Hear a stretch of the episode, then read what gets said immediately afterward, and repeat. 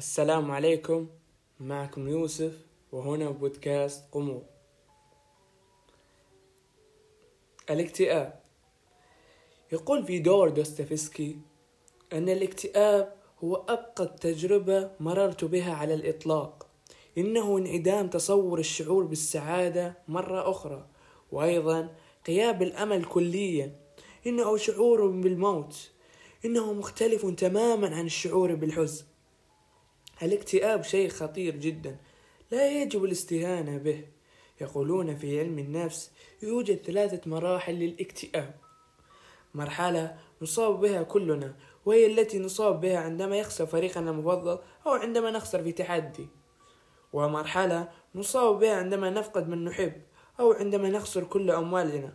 وفي هذه المرحلة يجب أن ننتبه على أنفسنا ونحاول الخروج من هذه المرحلة بأقصى سرعة.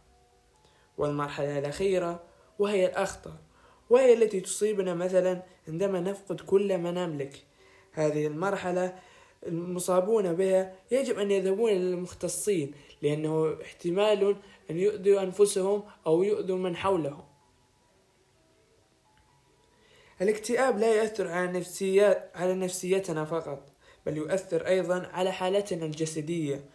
وقد يقلل أيضا من عمرنا وقد, نصاب بأمراض كثيرة بسبب الاكتئاب.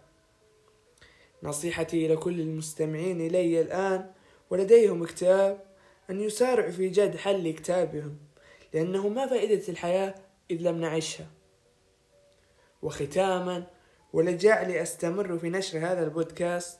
انشر هذا المقطع لكل مهتم وعلى مواقع التواصل الاجتماعي.